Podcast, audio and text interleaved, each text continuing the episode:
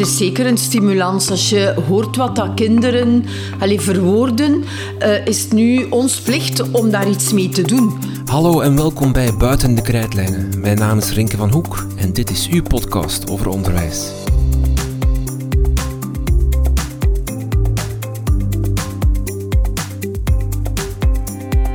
Bij sommige kinderen en jongeren gaat leren en leven op school niet vanzelf. Nu, wat zorgt ervoor dat elk kind zich toch goed voelt en goed leert op school?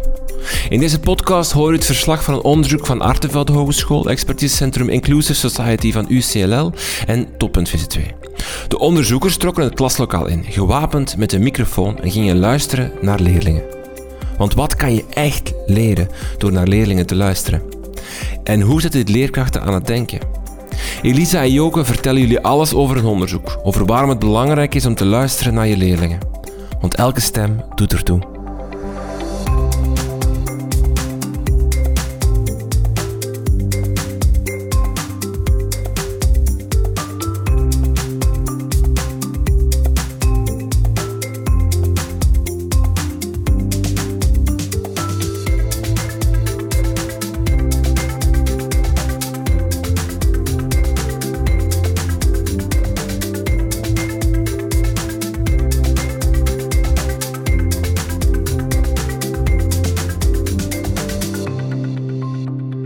Allemaal. Uh, ik ben Elisa van den Bussen. Ik uh, ben docent aan de Artevelde Hogeschool te Gent in de opleidingen uh, de BANABA, de bachelor naar bachelor buitengewoon onderwijs en de bachelor naar bachelor zorgverbreding en remedierend leren. En naast docent ben ik ook onderzoeker ehm, binnen het project Iedere Stem Doet Ertoe, waar wij vandaag graag iets meer over vertellen. En ik ben Joke Janssens, lerarenopleider, eh, ook in Artevelde Hogeschool, specifiek in het educatief graduaat secundair onderwijs en de verkorte educatieve bachelor secundair onderwijs. Vanuit de Artevelde Hogeschool, het expertisecentrum Inclusive Society van UCLL en Toppunt hebben wij samen ingezet op een onderzoek Iedere stem doet ertoe. En vandaag delen we graag onze ervaringen vanuit dit onderzoek met jullie.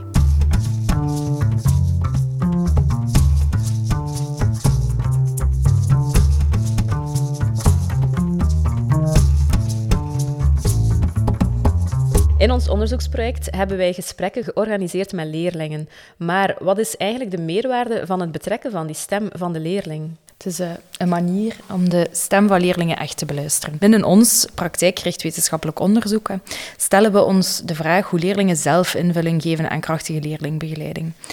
Ook zijn wij vooral benieuwd naar hoe het interprofessioneel samenwerken op een school een hefboom kan zijn voor die krachtige leerlingbegeleiding. En daarbij mogen we niet vergeten dat er in de eerste plaats met de leerling moet samengewerkt worden. Een speler die in de drukte van de dag soms al eens dreigt vergeten te worden. Nochtans adviseert de literatuur ons dat we leerlingen beter een stem kunnen geven in onderzoek naar thema's die hun eigen leven en leefwereld aanbelangen. Laat hen niet de missing voice zijn. Spreek niet enkel over en tegen leerlingen, maar ook met hen. We mogen trouwens ook niet vergeten dat het recht op gehoord te worden een belangrijk kinderrecht is. Hè. Ook al zien we in Vlaanderen soms nog uitdagingen en kansen wat de samenwerkingscultuur met leerlingen betreft, het mag voor scholen niet vrijblijvend zijn om in te zetten op leerlingenparticipatie. Het biedt bovendien ook heel wat voordelen voor zowel leerlingen als school om leerlingen te betrekken. Zo kan participatie door leerlingen hun identiteitsontwikkeling stimuleren. Ze voelen namelijk dat ze grip krijgen op hun eigen werkelijkheid. Wanneer een kind al vroeg het gevoel ervaart dat naar hem geluisterd wordt, bouwt het zelfvertrouwen op en leert hij ook argumenteren en samenwerken. Je zou kunnen zeggen dat we op die manier actief burgerschap in de kiem stimuleren. Maar ook voor een schoolteam is het voordeel dat leerlingen nu net de ervaringsdeskundigen zijn in het jong zijn. En door aandacht te besteden aan hun perspectief en betekenisverlening kan dit vaak tot betere beslissingen en praktijken leiden op schoolniveau. Tips van kinderen en jongeren blinken dan ook vaak uit in een eenvoud en relevantie. Nu, als toemaatje hebben wij die stem van de leerling ook op type opgenomen en we lieten dat vervolgens bij wijze van mini-podcast uh, beluisteren aan onze schoolteams. Hè? Ja, dat is interessant. Hè? Want ja, we zijn echt benieuwd welke richting die stem van de leerling kan geven aan de professionalisering van een schoolteam op vlak van die krachtige leerlingbegeleiding. Wat doet het met leerkrachten, een leerlingbegeleider of een directie of CLB-medewerker en zo verder, wanneer je echt naar die stem luistert? Wat brengt het teweeg? Brengt het een team in beweging? Zet het hen aan tot actie? We voelen dan ook bij aanvang bij de leerkrachten heel veel nieuwsgierigheid naar die stem. Uh, trouwens, we zijn met uh, drie scholen aan de slag gegaan. Twee lagere scholen en één secundaire school. Binnen de twee lagere scholen, uh, van eerste tot zesde leerjaar, hadden we twee verschillende thema's. Op één school ging het over het thema de speelplaats. En um, een ander thema waren de rapporten. En in, een in de secundaire school, um, daar hebben we stilgestaan bij het klasoverleg. Klasoverleg tussen de leerlingen en de klastitularis. Welkom bij Studio 100. Goed, welkom. Leuk dat jullie ons zo hebben kunnen inleiden. Hè? Ik vind heel leuk dat jullie met mij in gesprek willen gaan. Hè? We zijn dit aan het opnemen om jullie juffen en meesters hier op school een beetje vooruit te helpen. Hè? Want zij willen wel eens weten hoe jullie, uh, wat jullie vinden van de rapporten.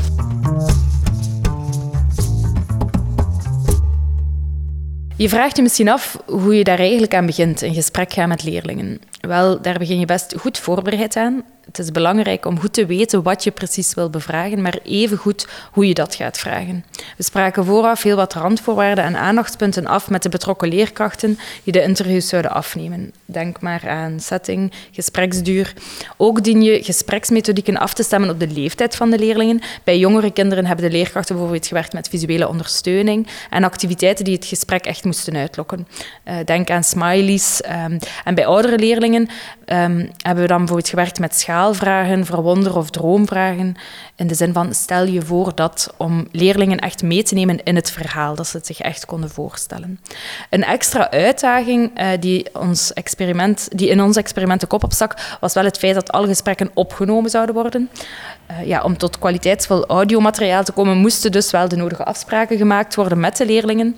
In de volgende korte fragmentjes hoor je hoe we het gesprek met de lagere schoolkinderen op gang trokken via bijvoorbeeld het gebruik van smileys um, en hoe we ook afspraken maakten met jonge kinderen. Oké, okay, doe maar pas. Ja. Welk gezichtje heb je gekozen? Zeg het een keer in de microfoon. Ik ben blij omdat um, ik samen ben, ben met iedereen en ik vind het leuk dat ik ook eens bij iemand anders kan. En waarom ben je blij, kies je blij voor bij het woordje rapport? Hm? Wat maakt je blij aan het rapport? Dat ik alles goed doe. Dat je alles goed doet. Dat vind je leuk om te lezen. Bijna alles. Oké, okay, dankjewel. Misschien moeten we ook nog afspreken dat stel dat er een vraag wordt gesteld die jij, waar dat je liever geen antwoord op geeft, dat kan hè. Misschien moeten we dan afspreken dat het ook mogelijk is om gewoon stop te zeggen of ja. hoe, hoe zouden we dat afspreken? Dus, ja, een um, soort van... Een, kan je dat een joker inzetten? Als je zo niet echt op iets wil antwoorden, dat je zegt van... Oh nee, ik wil daar eigenlijk gewoon niet op antwoorden. Dat moet ook kunnen. Hè? Ja. Dus als je een vraag niet ziet zitten, dan mag je dat ook gewoon zo zeggen. Dat is ook een antwoord. Oké? Okay? Het is wel degelijk belangrijk om een gevoel van veiligheid te creëren. Dus de juiste attitude en gespreksvaardigheden bij de leerkracht zijn zeker van tel. Veel zit hem al in de basishouding van een goede leerkracht of begeleider. Openstaan voor de stem, de nieuwsgierigheid, ook wel de stem waarderen, zich betrokken voelen. Um, ja, dat waren zaken die we echt wel bij de leerkrachten en begeleiders binnen dit project um, aanwezig, die daar zeker aanwezig waren. Als luisteraar ben je nu waarschijnlijk benieuwd naar wat allemaal naar boven is gekomen in de gesprekken, de bevindingen van ons experiment, zeg maar. Wel, laten we meteen al eens luisteren naar enkele eerste reacties. Je hoort twee leerkrachten van een basisschool waar men in gesprek ging met leerlingen. De gespreksonderwerpen waren de infrastructuur op de speelplaats en afspraken tijdens de speeltijd, thema's waarover het schoolteam graag op onderzoek uitging. We lieten de interviews met de leerlingen aan het voltallige leerkrachtenteam horen en dit zijn enkele van hun reacties. Wat dat ze zeiden, de leerlingen, dat kwam bij mij ook wel binnen als... Ja, ik zie dat zelf ook wel zo. Ook al was ik geschrokken hè, van wat dat ze zeiden, maar ik had zoiets van... Die zien het wel zoals dat ik het zie. Er wordt hier zoveel... Want ik heb op verschillende scholen al gestaan. Ontnomen. Die vrijheid wordt echt ingeperkt. Ze hebben hier zo een groot domein eigenlijk, zelf nog een stuk bij. En dan ga je ze eerst warm maken van onze speelplaats, wordt vergroot en wordt... Ja, je gaat meer kunnen doen. En uiteindelijk is het, ja, maar dat mag dan niet en dat mag dan niet. Dus ja, het sluit wel aan met hoe dat ik erover dacht. Dus ik hoop dat daar iets aan verandert natuurlijk. Ja, ik had eerst gedacht van, die zijn daar niet mee bezig. Of dat gaat nooit niet naar boven komen. Of die, die denken daar misschien niet zo. Maar uiteindelijk, ja wel. En dat, ja, ik was echt geschrokken. Ik was echt aangedaan. Ik heb er eigenlijk een beetje een dubbel gevoel bij. Omdat na het luisteren ik het gevoel had dat wij als juf en veel verbieden. Dat is een beetje het gevoel waarmee ik eruit kom. Ik heb precies veel gehoord, het mag niet van de juf. De juf zegt dat het niet mag. De juf zet mij op straf. Maar langs de andere kant denk ik wel dat we ook al goed bezig zijn, omdat ik toch wel ook positieve dingen heb gehoord. Dat de kinderen toch graag spelen op de speelplaats en dat dat voor hen ook wel fijne momenten zijn. Het valt op dat het beluisteren van die stem van de leerling wel wat gevoelens losweekt. Die vaststelling deden we in het algemeen en die gevoelens lijken twee kanten op te gaan. Enerzijds, aha, zie je wel, en anderzijds geschrokken. Een beetje toelichting bij het aha, zie je wel gevoel. Ehm, ja, het is eigenlijk een bevestiging van wat leerkrachten zelf al aanvoelen, ervaren. Ze voelen dat de leerlingen dezelfde richting uit willen als hen. Het is een gedeelde ervaring, er is herkenbaarheid. Leerkrachten geven aan, ah, leerlingen voelen het dus ook zo aan. En die gedeelde kijk versterkt ergens wel natuurlijk ook de relatie tussen leerkracht en leerling. Ter illustratie laten we nog enkele uitspraken horen van leerlingen in een secundaire school, gevolgd door de reactie van enkele leerkrachten hierop. Op deze secundaire school wou het schoolteam het wekelijks klasoverleg met de titularis onder de loep nemen. Ze interviewden hun leerlingen hierover. Ja, ik heb, ik heb ook wel het gevoel dat de laatste tijd gewoon vaak is zo de de dingen die nog moeten besproken worden, zo heel administratief eigenlijk bijna. Zo van, ah ja, en dit moet nog ingevuld worden en dat moeten we ook nog doen. En dan nu met project was het ook wel, oké, iedereen om dat uur op school. En allee, dat vind ik wel spijtig, want op zich kan je dat ook wel in mailtjes doen, vind ik dan.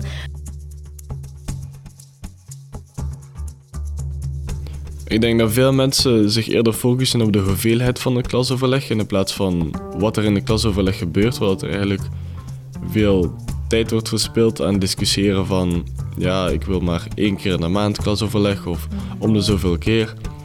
Uh, maar eigenlijk, als je dan gaat denken over inderdaad wat er beter in het klasoverleg kan gebeuren, dan win je veel tijd en ga je ook minder uh, ja, klagen over het klasoverleg, denk ik. Maar ik ben vooral heel opgelucht door dingen die ik hoor. Uh, omdat ik soms heel andere dingen zie. En dat ik misschien een beetje in een tunnelvisie zat, dat dat door leerlingen afgeschreven werd. En dat, ik vind het heel fijn om te horen dat, daar, dat leerlingen daar zaken in zien als inspraak, een warm, klasdynamisch moment van maken. Uh, ja, het, het wijgevoel. En dat is ook hoe, dat ik zelf dat wil beleven. En dat dat niet, niet zo schools is, maar wel heel vitaal organiserend.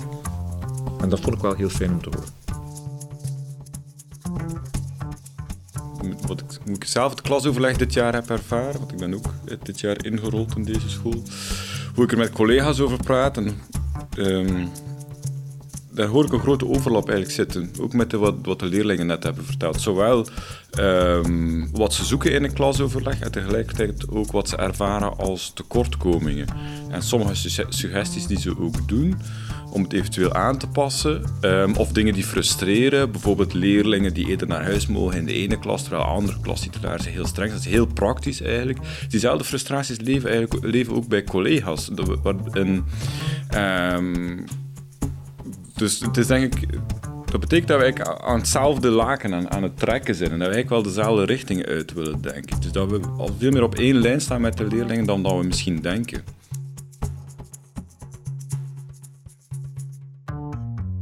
niet verbaasd. Het de, hetgeen wat ik verwacht had, dat ze als reactie zouden hebben op uh, vragen over klasoverleg.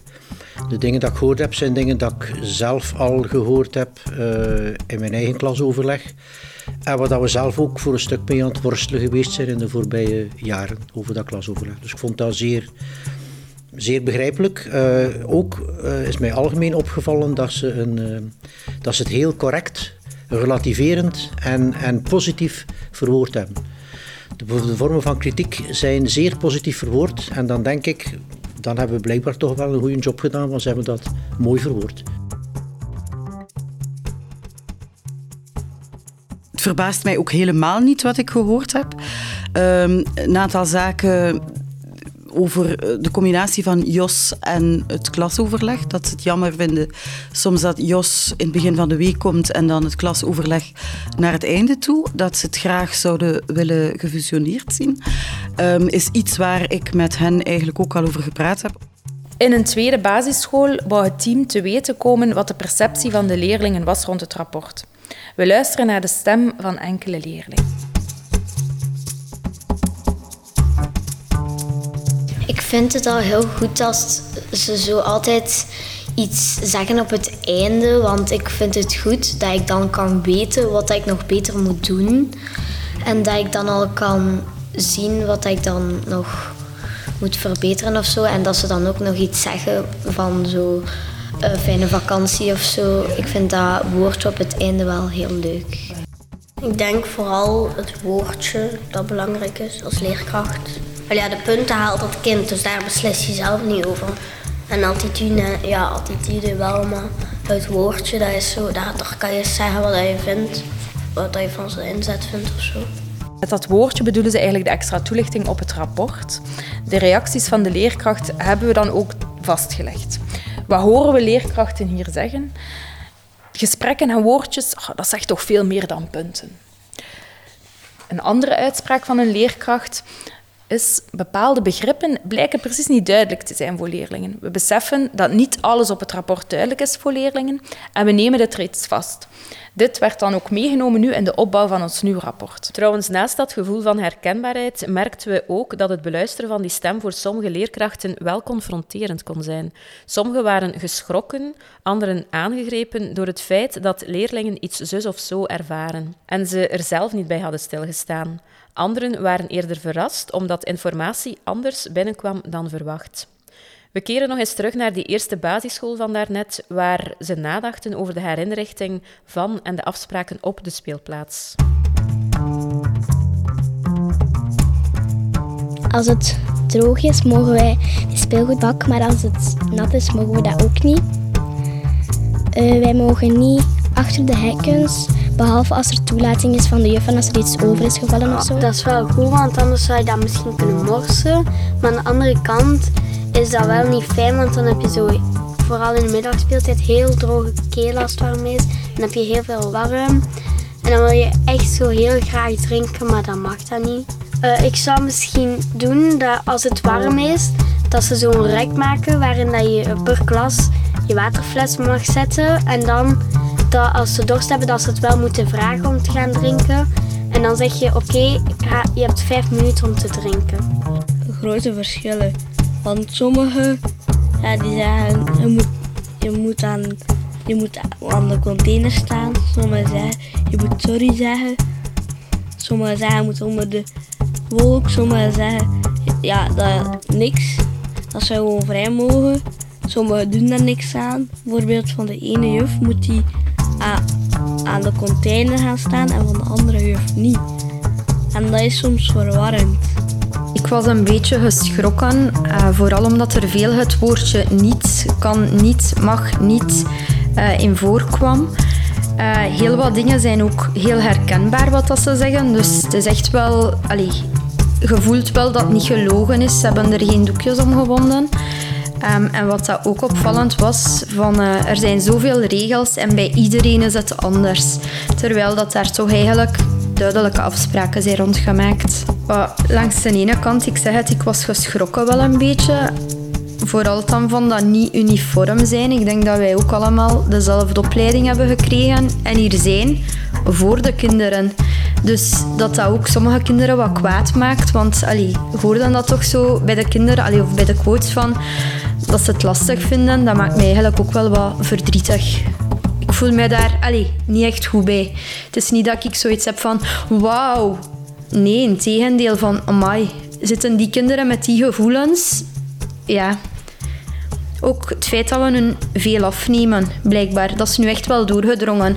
Niet op het gras, niet op het hellend vlak. We mogen niet op de trappen zitten. Ja, maar dan mogen we niet met de speelgoedkoffer spelen. Zo, ja, toch een beetje het negatieve. Wat ik ook wel vind en een beetje binnenkwam, is van niet alle juffen zeggen hetzelfde. En dat is wel waar. De ene is misschien meer toegeeflijker dan de andere. Ik weet, ik ben daarin misschien fout, maar ik weet als ik zeg tegen mijn zesde van oké, neem maar een bal. En je, ze mogen niet shotten, maar met de hand zo tegen de bal staan, tegen de muur, weet ik dat die een kwartier rustig kunnen spelen en weet ik dat ik heel veel ruzies kan vermijden of uitsluiten. Zoals je merkt, komt het inderdaad wel binnen hè, bij die leerkrachten, maar ze bleven wel niet hangen in die emotie. Hoe hard een boodschap misschien ook kon binnenkomen, leerkrachten omarmden zeker en vast ook wel die kritische blik van de leerling. We vermelden het al in het begin. Een voordeel van het betrekken van leerlingen voor een schoolteam is dat leerlingen ervaringsdeskundigen zijn in het jong zijn. En door dus aandacht te besteden aan hun perspectief, kan dit vaak tot betere beslissingen en praktijken leiden op schoolniveau. Daarnaast gaven sommige leerkrachten ook aan dat ze ook op persoonlijk vlak zich meer bewust werden van hun eigen handelen, alsof de leerlingen hen een spiegel voorhielden. Ik ben heel blij dat we um, dat hebben kunnen opentrekken en dat we een keer naar de stem van de kinderen hebben kunnen luisteren. Um, omdat ik denk dat daar heel veel waarheden um, in zitten. Er zijn een paar kinderen waarvan ik de stem had, de, de stem had herkend. Ik denk dat ze uit mijn uh, klas komen. En ik herken er um, veel dingen van. Ik probeer ook te luisteren naar hun. En um, veel loopt gelijk. Ik denk op, als school men nu zelf er ook nog een keer over na te denken dat wij zeker nog meer zouden kunnen inzetten op herstelgericht um, werken. Maar dan merk ik, als ik die quotes hoor, ja, dat die frustratie toch wel groter is bij de kinderen dan dat ik mezelf had ingebeeld. Dat dat harder leeft of dat dat langer blijft hangen. Nu zijn ze misschien met die quotes ook wel met de neus op de feiten gedrukt van zeg het een keer hoe dat echt is. Maar als je al die quotes naar elkaar hoort, vind ik dat nogal vaak hetzelfde is. Of, dat het op hetzelfde neerkomt. Dat niet alle juffen op een gepaste manier reageren. Dat juffen volledig anders reageren. En dat komt eigenlijk wel een beetje binnen. Je zou dus echt over een eye-opener kunnen spreken. Er schijnt als het ware een nieuw licht op de eigen schoolwerking. Ik denk dat ik nu wel, als er morgen iemand gaat komen bij mij van dus dat gebeurt, ga ik daar wel mijn ander oog of mijn andere kijk op inspelen, denk ik. Als je hoort van hoe dat die kinderen, hoe dat, dat leeft bij hen. En ik denk wel dat wij er met team mede door, die verhaal, allez, door onze pedagogische studiedag vandaag, dat we daar wel een keer dieper moeten over nadenken, hoe dat we dat gaan aanpakken. En ik denk dat dat niet alleen is door nog een keer een extra spelletje op de vloer te schilderen of iets tegen de muur te hangen, dat dat echt met een ruimere kijk moet bekeken worden nu. Ja, ik sluit me daar eigenlijk bij aan. Wij willen heel hard op dat welbevinden inzetten. En het wordt mij nu ook een beetje duidelijk dat wij soms vergeten dat de speelplaats en wat zich eigenlijk buiten de klasmuren afspeelt, daar ook echt een invloed op heeft. Um, en ik denk ook wel dat ik daar nu op een andere manier mee ga omgaan. In die zin dat ik echt wel wil proberen om de rust te bewaren, ook op de speelplaats. Dus door echt, maar echt te luisteren naar de leerlingen, kan je enorm je blik verruimen. In die mate dat het een leerervaring wordt voor jou als leerkracht. Volgende reacties tonen aan dat men zich meer bewust werd van het eigen handelen en dat men hier ook persoonlijk uit kon leren. Wat de leerlingen nu hebben verwoord, als ik juist startte als leerkracht, dacht ik er ook meer zo over. En door als juf um, mee te draaien in, in het team, denk, denk ik dat er um, na een tijd dat je zelf oogkleppen opzet en, en dat je ook je zet in, in de rol van, van leraar en, en nee, het is zo en het is niet zo. En, en dat we daardoor ook kinderen veel dingen gaan ontzeggen zonder daar veel bij na te denken en door de kinderen nu zelf te horen vertellen nee, dat mag niet, dat mogen we niet doen, dat mogen we niet doen, denk ik daar ook wel anders over in de zin van wat dat de kinderen eigenlijk wel nog mogen. Ehm, ja, welke mogelijkheden dat ze dan wel hebben en dat we ook meer daarnaar moeten kijken en hun die mogelijkheden mogen aanreiken en ook nog meer naar hun stem moeten luisteren van wat, hoe dat ze dat zelf zien. Want soms denken we en, en de kinderen reageren daar zo op en, en ze, ze denken zo of zonder dat we ook echt aan hun hebben gevraagd wat dat ze daarvan denken. En ik denk, als we dat meer zouden doen, ehm, dat er ook veel dingen kunnen voorkomen worden naar conflicten op de speelplaats en ja, meer preventief werken. Ik probeer altijd, wanneer er bijvoorbeeld een meningsverschil is, dat wel op te lossen en ook de goede vrede te bewaren op de speelplaats. Maar eh, door naar die uitspraken te luisteren, merk ik wel dat het feit dat er een ruzie is of een meningsverschil of dat er iets niet mag, dat die frustratie inderdaad bij de kinderen wel blijft zitten. En dat dat iets is waar we ons als leerkracht meer bewust van moeten zijn. Hoe dat we dat kunnen vermijden in de toekomst.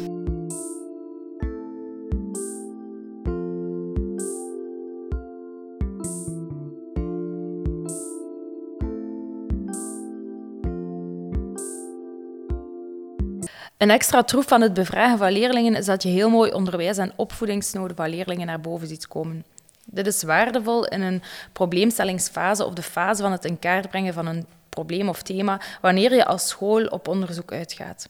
Deze manier van werken verplicht een team om even op de rem te staan en niet holder de bolder naar oplossingen over te gaan. Iets wat des mensen is. Maar als je echt tijd neemt om ook de leerlingen te beluisteren, komen soms heel andere behoeften bovendrijven, waar wij dan eigenlijk in eerste instantie zelf nog niet aan gedacht hadden. Laten we nog eens naar de secundaire school gaan.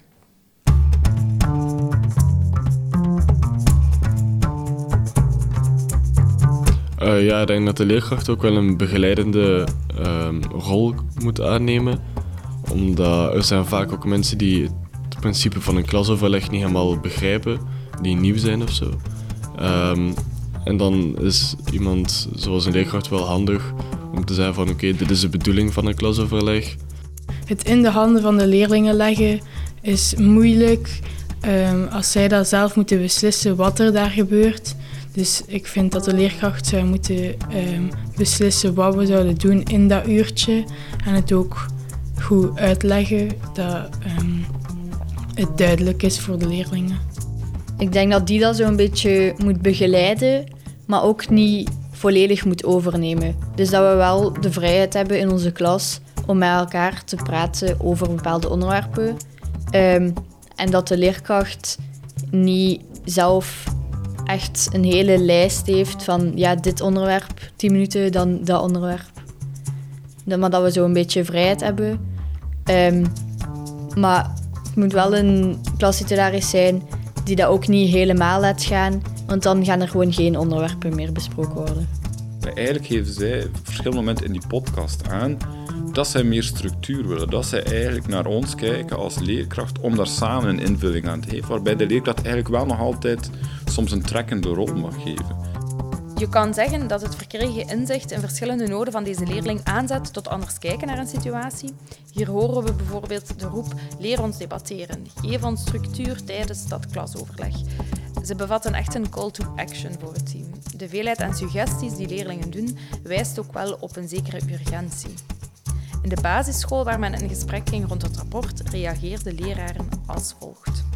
Soms staat het er wel op, denk ik, maar ik vind het dan moeilijk um, om te zien wat ze ermee bedoelen soms. Of um, ik vind het moeilijk om te lezen um, en te zien, duidelijk te zien dat het er echt op staat, of niet.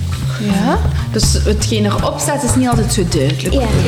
En wat zou kunnen helpen? Heb je zelf een tip voor de juffen en meesters hoe het duidelijker zou kunnen? Uh, misschien dat het misschien ergens bij staat dat het bijvoorbeeld meer van boven in het begin van je rapport van daar. Uh, okay. dat het meer van staat. boven staat. Nu moet je er soms naar zoeken. Ja. Je dat? Oké. Okay. Tot slot luisteren we naar de basisschool waar men werkte rond het speelplaatsgebeuren. meestal.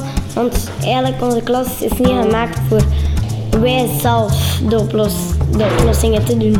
Uh, allee, wij kunnen dat eigenlijk nog niet, maar zeggen. Want ja, kan misschien dat, dat wij hulp krijgen voor zelf onze ruzies te oplossen. Maar echt erge ruzies, daar hebben we echt de nodig.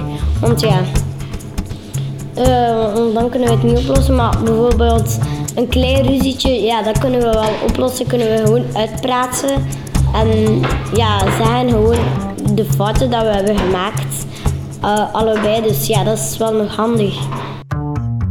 Uh, wanneer het ook mooi weer is, meer gezelschapsspelletjes hebben voor op die banken te spelen. Want ja, als het slecht weer is, dan sta je onder de afdak en heb je maar spelletjes bij het slecht weer.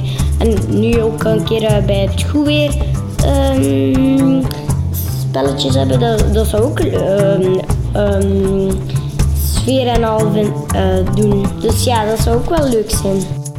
Ik vind dat wel altijd leuk om kleinere kinderen te helpen. Ja, ik ook. Dat is misschien wel. En dat vind ik geen probleem. Allee, ja. dan, dat is dan beter dan daar de hele tijd tegen de muur staan te staan en niets te doen en daar kinderen te helpen. Veel beter. Wat ik het liefst zou hebben is dat we gewoon wat meer plaats hebben, want we hebben hier veel groen en gras dat we kunnen gebruiken. En nu, als sommige kinderen doen lopen en anderen uh, staan gewoon rustig te babbelen en dan lopen die tegen u.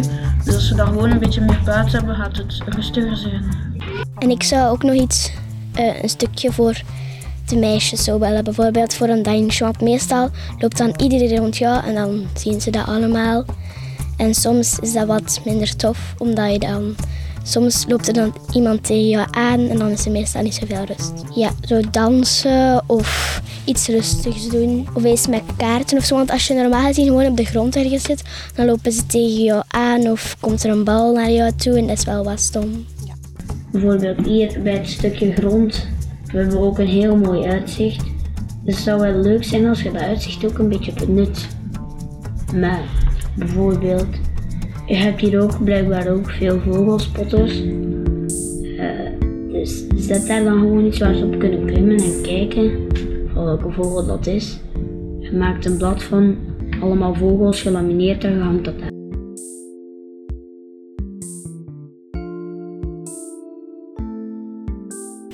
Ik merk ook op dat er twee uitersten zijn. Er zijn kinderen die vragen naar een plaats waar ze zich kunnen uitleven, waar ze kunnen lopen. En dan kinderen die vragen naar een rustige plaats. En dat is een moeilijke combinatie, denk ik. Daar moeten we echt een keer goed over nadenken. Hoe dat we aan beide groepen leerlingen daar toch kunnen aan tegemoetkomen. Ik moet zeggen dat ik toch wel ondervind dat heel wat kinderen toch wel tevreden zijn. Dat er toch wel een paar dingen zijn waar ze zich kunnen in vinden. Uh, maar inderdaad dat, er ook, dat de kinderen ook dingen aangeven uh, waar wij kunnen iets aan doen, waar wij misschien minder bij stilstaan, dat de kinderen daar echt nood aan hebben. Inderdaad, zo'n keer uh, gewoon een keer de speelplaats op en aflopen, dat kan een deugd doen. En dat is iets dat dan natuurlijk andere kinderen soms in de weg zitten. En voor de kinderen die daar dan zitten, voelen zij dat als probleem. Dus dat is wel echt wel iets waar we, waar we kunnen werk van maken, denk ik. Ik denk dat die uitspraken van kleinere kinderen komen van wat doen we bij ruzies? Ruzies op allez, onderbouwniveau vind ik vaak heel anders dan ruzies op bovenbouw. En dat hoor ik wel in die uitspraken. Van ruzietjes oplossen, eh, de juf moet mij helpen, laat mij even Allee, of een rusthoekje zoeken. Ik denk dat dat op een ander niveau is dan bij kinderen van bijvoorbeeld een derde graad. Dat die zo eerder hebben van, laat mij even rust, ik kom er wel uit. Dus dat die minder begeleid moeten worden. Voelen jullie waar de behoefte zitten? Hier horen we een nood aan enerzijds het keihard uitleven tijdens de speelplaats en anderzijds rusttijd. Maar ook een vraag naar begeleiding in het omgaan met en oplossen van ruzies, vooral bij de kleinste. Wat mij vooral opviel is dat de massa aan voorstellen, de hoeveelheid aan voorstellen, voor mij, hoe, hoe meer voorstellen er zijn, voor mij betekent dat hoe groter de nood is om er iets aan te doen. Als je maar drie voorstellen hebt, dan kun je dat minimaliseren. Maar als je daar twintig voorstellen krijgt van je leerlingen, dan betekent dat dat we daar iets moeten mee doen. Anders gaat het... Dat vind ik wel belangrijk. Wij waren uiteraard ook heel benieuwd of die stem van de leerling ook zou kunnen aanzetten tot actie. Laten we eens luisteren naar enkele reacties van leerkrachten. Het zette mij vooral aan het creatief naar oplossingen zoeken. Met de ruimte die we hebben, met de middelen die we hebben, met het materiaal dat we hebben. We zouden daar echt iets kunnen aan doen. Ik geef een, een heel klein voorbeeld. Dat is, ehm, meisjes vooral geven aan dat ze graag eens willen dansen tijdens Ja. speeltijden. En dan denk ik van, we hebben daar een theater staan. Zet daar wat muziek bij, want daar is ook vraag naar blijkbaar. Zet daar wat muziek bij. Laat dat duidelijk afgebakend zijn van als je wilt dansen, up, op scène, op podium. En we moeten daar iets voor doen. Het enige dat we moeten doen is muziek uithalen ergens. Maar dat heeft mij wel naar oplossingen doen denken. Het is zeker een stimulans. Als je hoort wat dat kinderen allee, verwoorden, eh, is het nu ons plicht om daar iets mee te doen. Wij proberen, we hebben dat al jaren proberen te doen, maar gelijk ook die, die, ehm, dat speelgoed van de maand, dat is zo, ja, eh, begin september, ah ja, speelgoed van de maand, oh ja, het is nog oké, Hop, en we hangen het weer uit. Snap je? Zo, er tijd insteken. Dat is ook nu heel belangrijk. Samen zoeken, samen afspraken maken. Eh, ehm, want dat is de speelplaats natuurlijk in je klas. Ja, dan ben je met jezelf bezig en je doet wat dat je moet doen en je moet maar overleggen met jezelf. Snap je? Maar nu moeten we eigenlijk echt daar een keer werk van maken met het team, met iedereen samen. En wat het resultaat dan is, dat is dan de bedoeling dat het werkt. Dat het werkbaar is en dat we elkaar ook in helpen en stimuleren van ja maar, hè, dat zijn de afspraken. Regelmatig terugkoppelen, evalueren. Dat is belangrijk, zowel voor ons als voor de kinderen. Ik hoop in elk geval dat dat ons aanzet tot actie. We hebben sowieso al een werkgroep speelplaats die ook wel bezig is met die afspraken bijvoorbeeld en met aanbod dat wij aanbieden op de speelplaats. Maar ik denk dat het heel belangrijk is dat we terug afstemmen binnen ons team in de zin van hoe gaan wij als leerkracht om met, zodat de kinderen ook duidelijkheid hebben. Maar ook ja, naar het, de speelmomenten van de kinderen toe. Hoe kunnen we het dan wel optimaliseren? Hoe kunnen we, wel voor, hoe kunnen we die frustratie wegnemen?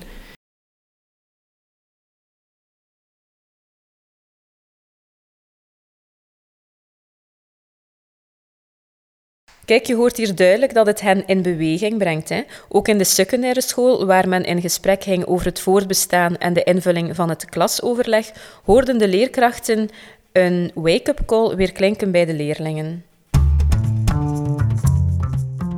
Als je met mensen praat van andere scholen, zijn zij daar wel super jaloers ook op. En zij vinden dat heel ja, wonderbaarlijk dat wij zo met onze leerkrachten kunnen praten en zo. En dat vind ik ook wel belangrijk, dat die band daar dan wel blijft gewoon. noem het misschien een wake-up call voor iedereen. Dat, om eens toch, aan te geven van, we moeten hier als leerkracht ook, samen met de leerlingen uiteraard, iets meer mee doen. nog. Maar het is al goed, maar laat het ons nog beter doen. Alles kan beter. Sowieso is daarover nadenken cruciaal. En ik denk dat lange tijd wel de, de wijze hoe leerlingen over dat uur nagedacht hebben, dat we dat een beetje aan de kant geschoven hebben. Wij zien dat als een vanzelfsprekendheid, omdat het eh, debatcultuur opent. Hoe leer je vergaderen? Hoe leer je met radicaal andere meningen omgaan? Eh, hoe plaats je dat? Wie neemt plots de leiding? ja, ook al zijn dat meningen die soms niet wel horen. Ehm, ja, en misschien zie ik er wel een heel mooi, om dan misschien mijn argument volledig om te draaien, zie ik er iets heel moois in, dat misschien de leerlingen, door wat zij zeggen, heel duidelijk zeggen, red dit uur. Waar ik wel heel blij om ben dat die stem hoor. En in de andere basisschool waar gewerkt werd rond het rapport, werd als volgt gereageerd. Ik vind dat er ook heel veel meer eh, rapporten moeten komen. Dan weten de ouders echt van, ah, nu gaat het goed, ah, nu gaat het slecht. En eh, ik vind dat ook veel beter. Als er meer rapporten zijn, dan, dan kan ik ook weer een beetje weten van, ah, hoe heb ik het gedaan, ah, dit, ah, dat.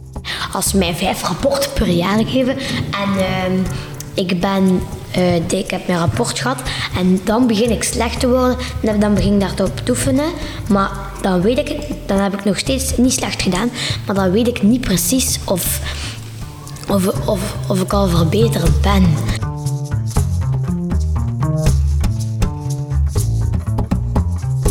Ook de leerkracht komt hier duidelijk tot enkele belangrijke inzichten. Een leraar zegt hierover: kindgesprekken zijn belangrijk om de sterktes en moeilijkheden nog specifieker te benoemen. Hoe gaan we dit nu verder organiseren? Hoe gaan we blijven inzetten op die kindcontacten die zo belangrijk zijn?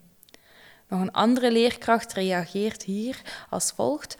Sommige toetsen worden in de klas geremedieerd. Toetsen gaan ook mee naar huis, kunnen ook daar bekeken worden. Maar waar leggen we nu het accent? Er zijn er eigenlijk geen duidelijke schoolafspraken over aanpak en functie van remediering. Welke toetsen nemen we in de les opnieuw erbij, welke toetsen niet? Um, en welke toetsen um, gaan gewoon mee in de map naar huis zonder verdere uitleg? Maar blijft het dan bij het formuleren van noden en suggesties doen en die wake-up call? Of durven scholen ook echt verder te gaan in het betrekken van leerlingen? Wel, je hoort toch al snel leerkrachten die bruikbare adviezen en suggesties van leerlingen meteen vastgrijpen. We zeiden het al, soms gaat het om voor de hand liggende, heel clevere oplossingen waar eigenlijk het team zelf nog niet aan gedacht had.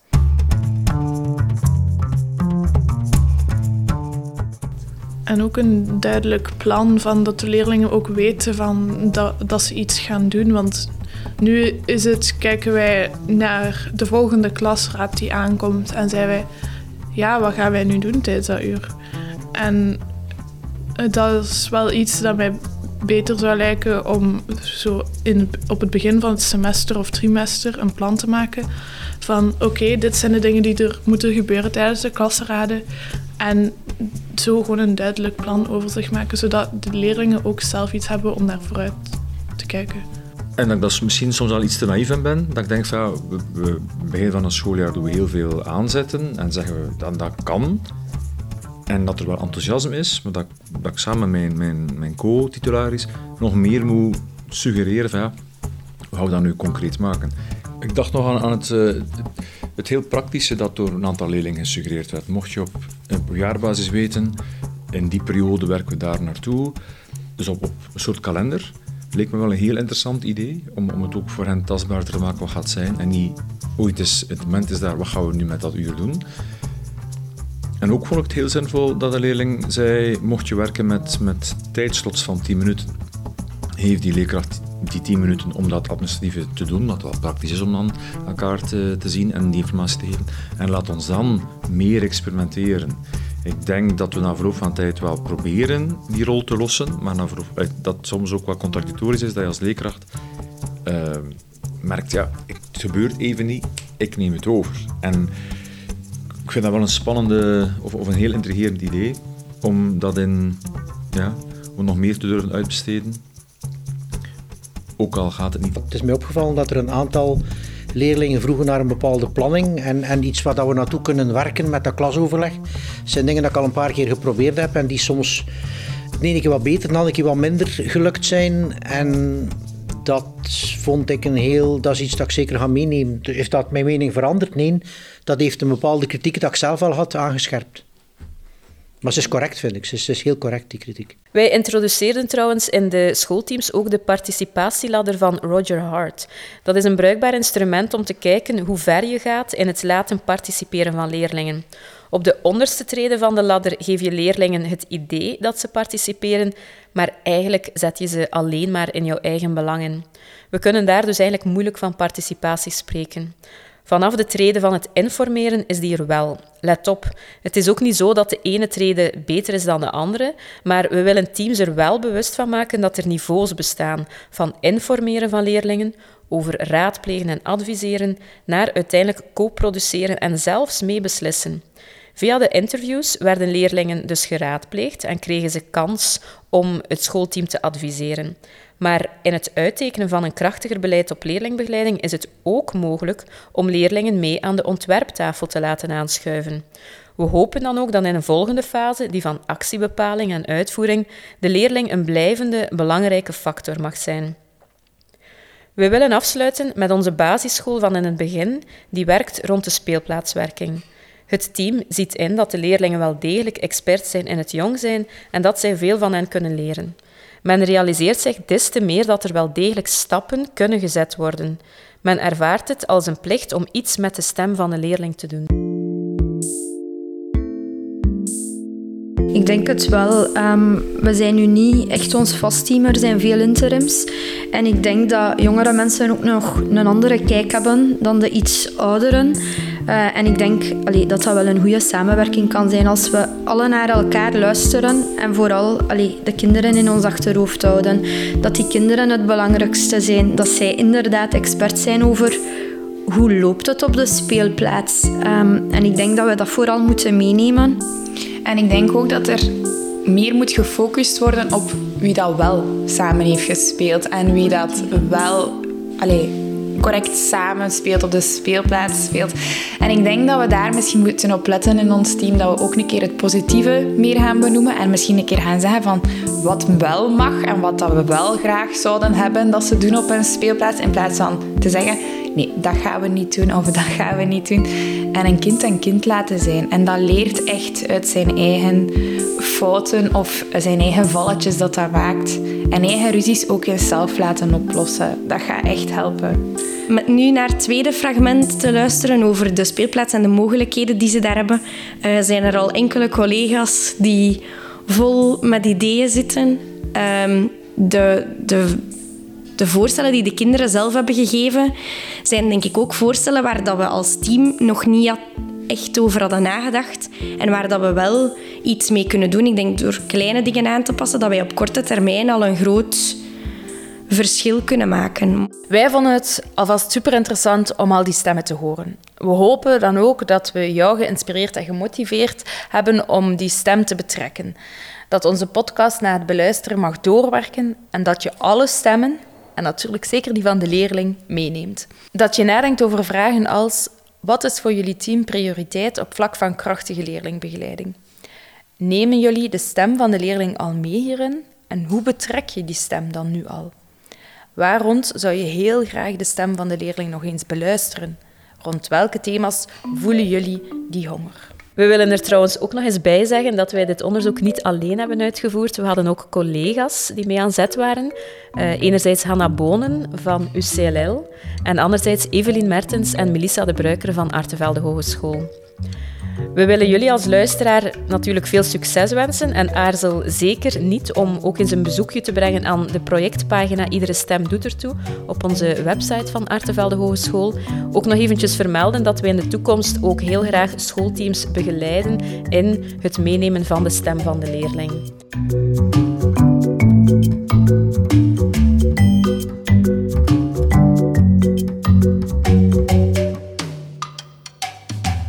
Dit was het dan weer voor deze aflevering van Buiten de Krijtlijnen. Meer info over het onderzoek Elke Stem Doet Ertoe vind je in de show notes van deze podcast. Heel veel dank aan Elisa en Joke voor de toelichting en ook dank aan de drie scholen voor hun medewerking aan dit onderzoek. Blijf op de hoogte van onze plannen en nieuwe afleveringen via Instagram, Twitter of www.dekrijtlijnen.be. Dank voor het luisteren en tot de volgende.